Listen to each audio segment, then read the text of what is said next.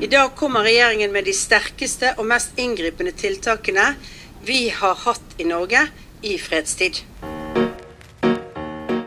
Det sa Erna Solberg onsdag 12. mars, og jammen var de inngripende, de der tiltakene. Her på journalistutdanninga så var vi bekymra for eh, hvordan det skulle gå med dere, med førsteklassingene. Jeg heter Ragnhild, forresten. Jeg er radiolæreren din. Og jeg lurer veldig på hvordan jeg kan lære deg å lage din første nyhetssak med lyd, uten at jeg får møte deg. Hm. Hva tror du om Zoom? Jeg er så lei av Zoom. Jo, podkast. Podkast er jo best. Men altså, jeg kan jo ikke sitte her helt aleine og skravle. Det blir jo så kjedelig. Men så kom jeg på en idé, og det er at jeg har jo en sønn. Han heter Klaus, og han går i første klasse på journalistutdanninga nå. Kanskje han har lyst til å hjelpe meg å lage denne podden?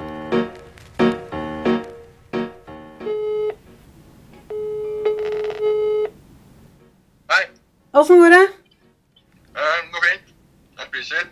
Er du busy? Ja, jeg spiser. Oh, jeg syns du sa du var busy, men så er du bare så pooper. Jeg spiser bare. Ja, det er gøy. Jeg tenkte jeg skulle spørre deg om noe. Ja. I og med korona så er det sånn at eh, da har vi fått en utfordring, og det er at vi skal liksom lage noe. Og så tenkte jeg om ikke kanskje jeg skulle få med meg Klausen på å lage det. Har du lyst til å være med meg og lage det? Som skal gå til alle studenter på kullet. Eh, ja. Fy faen. Nei, men eh, jeg eh, kan godt bli med på det, altså. Så kult! Yeah! Du på. Si nei, du. Jeg var litt redd for det, for jeg tenkte at kanskje du liksom Nei, det blir for tett. Og at jeg liksom måtte argumentere veldig, da. Men, eh, men det slapp jeg. Ja, så var det så enkelt, da. Du er søt, du. Ja. Morsom. Det er du òg.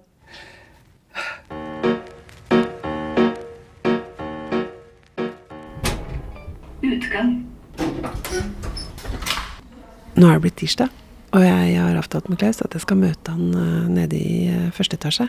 Han kommer snart, men jeg tenkte jeg skulle fortelle deg, mens vi venter, litt om hva jeg har gjort i denne episoden fram til nå. Fordi denne episoden her, den, den handler jo om det å fortelle historier. Altså hvordan kan du fortelle historier gjennom lyd? Og hvordan kan du gjøre det spennende? Og jeg har jo egentlig forsøkt å gjøre mange ting for at du skal synes at dette er litt spennende å høre på. Og så vet jeg ikke om du har skjønt hva jeg har gjort. Men dette er ting jeg vil at du òg skal prøve å gjøre. Det første jeg har gjort, er å tenke bevisst rundt det som heter anslag. Og anslag, det vet du sikkert hva er. Det er liksom det, det første vi får møte. Det kan være i et TV-program eller et radioprogram, eller det kan være i et radioinnslag, eller det kan være til og med i en avissak. Så er jo anslaget det som på en måte er den første sånn pangåpningen, da, kan du si. Og i eh, radio så kan vi gjøre mange ting. Eh, det jeg gjorde, det var å bruke et klipp av Erna Solberg. I dag kommer regjeringen med de sterkeste og mest inngripende tiltakene. Og klippet det er henta fra regjeringens pressekonferanse den 12. mars. Og så gjorde jeg noe mer. Fordi en historie det handler jo også om at du skal introdusere noe som, som kan kjennes som litt spennende. Og så tror man kanskje at for at noe skal være spennende, så må det være liksom noe ekstraordinært, eller eh, at det må være masse action. Men det trenger det ikke å være. Spenning kan du få bare ved å stille et spørsmål, og så bare vente litt med å svare på det. Kanskje han har lyst til å hjelpe meg å lage denne podden? Det jeg gjorde, det var at jeg satte ut en form for undring. At sånn Oi, hva skal jeg gjøre nå? Og så svarte jeg på det ved å komme med et forslag at jeg kanskje skulle invitere Klaus. Og så visste jeg ikke hva han kom til å svare. Og da var jo du med på å lure på om han kom til å svare ja eller nei. Kan jo hende at du eh, ikke lar, lar deg lure så lett, sånn at du ikke syns det var så innmari spennende. Men poenget er ikke borte, fordi det kan du gjøre også når du skal lage saker.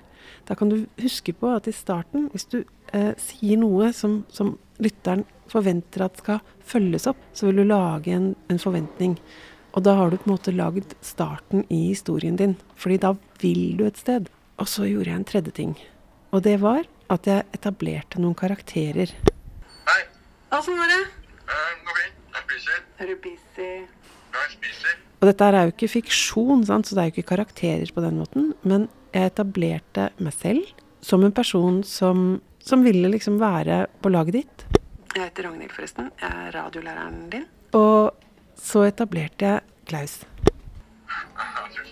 Og så hadde jeg lyst til at verken jeg eller Klaus skulle liksom fremstå som veldig sånn fremmede og rare og veldig formelle mennesker. Men Snarere tvert imot. Du er søt, du. Ja. Morsom. Det er du òg. For radio er jo heller sånn at mange opplever det som at de lytter til en venn når de hører på radio. Eh, Og selv om jeg ikke vil at du skal lage en nyhetssak hvor du skal liksom fremstå som min venn, så vil jeg at du skal lage en nyhetssak hvor du høres ganske naturlig ut, og ikke bli for formell. Eh, Riktignok så må du være litt formell når du skal lage en nyhetssak, og det skal jeg komme tilbake til i episode fire. Men at du forsøker å leke deg litt med hvordan du kan være med den mikrofonen. Fordi med den mikrofonen så kan du velge å være veldig sånn nyhetsoppleser. Her er NRK Dagsnytt klokka 18. og bli veldig sånn streng og, og kontrollert i stemmen din. Eller du kan velge å være mer sånn som jeg er nå. At du forsøker å snakke så muntlig som mulig, og så direkte som mulig til lytteren. Og at du forsøker å få inn det vi kaller for nærvær. Og det betyr at du er til stede i det du sier. Fordi da får man et eget engasjement i stemmen. Og et eget tonvalg som gjør at det er mye morsommere og også mye lettere å høre etter hva du har å si. Og nå, nå står jeg jo liksom her i første etasje nede i foajeen og venter på Klaus. Men gjør jeg egentlig det? Nei. Jeg sitter jo her i studio.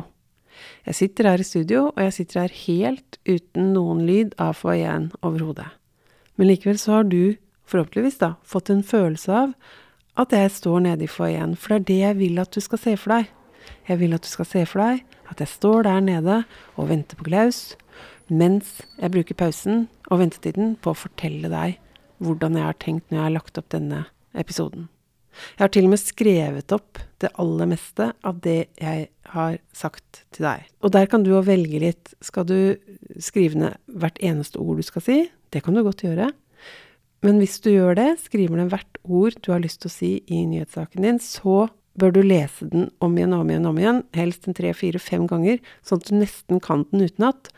Og så må du streke under, eller det lønner seg da, streke under noen av ordene som du vet at det ordet skal jeg legge vekt på. For da får du det til å høres ut som om du ikke leser. Det du òg kan gjøre, er å sette opp stikkord sånn som jeg gjør. Eh, Da blir det litt mer eh, hakkete, som, sikkert, som du sikkert hører. Men samtidig så blir den jo også mer muntlig, sånn at det er litt morsommere å høre på, for jeg er liksom litt mer til stede. Og dette her er ting man egentlig kan eh, øve på. Og så har jeg gjort én ting til. Og det er at jeg har tatt opp lyden fra første etasje, fra foajeen. Hører dere? Den lyden der, det kalles kontentum. Og kontentum er kjempeviktig å ta opp hver gang du er ute og skal lage en sang. Så, nå gidder jeg ikke å sitte i studio alene lenger, jeg. Tror jeg skal stikke ned og se om Klausen har kommet. Han står sikkert ute. Han venter på meg der. Mer om det i episode to.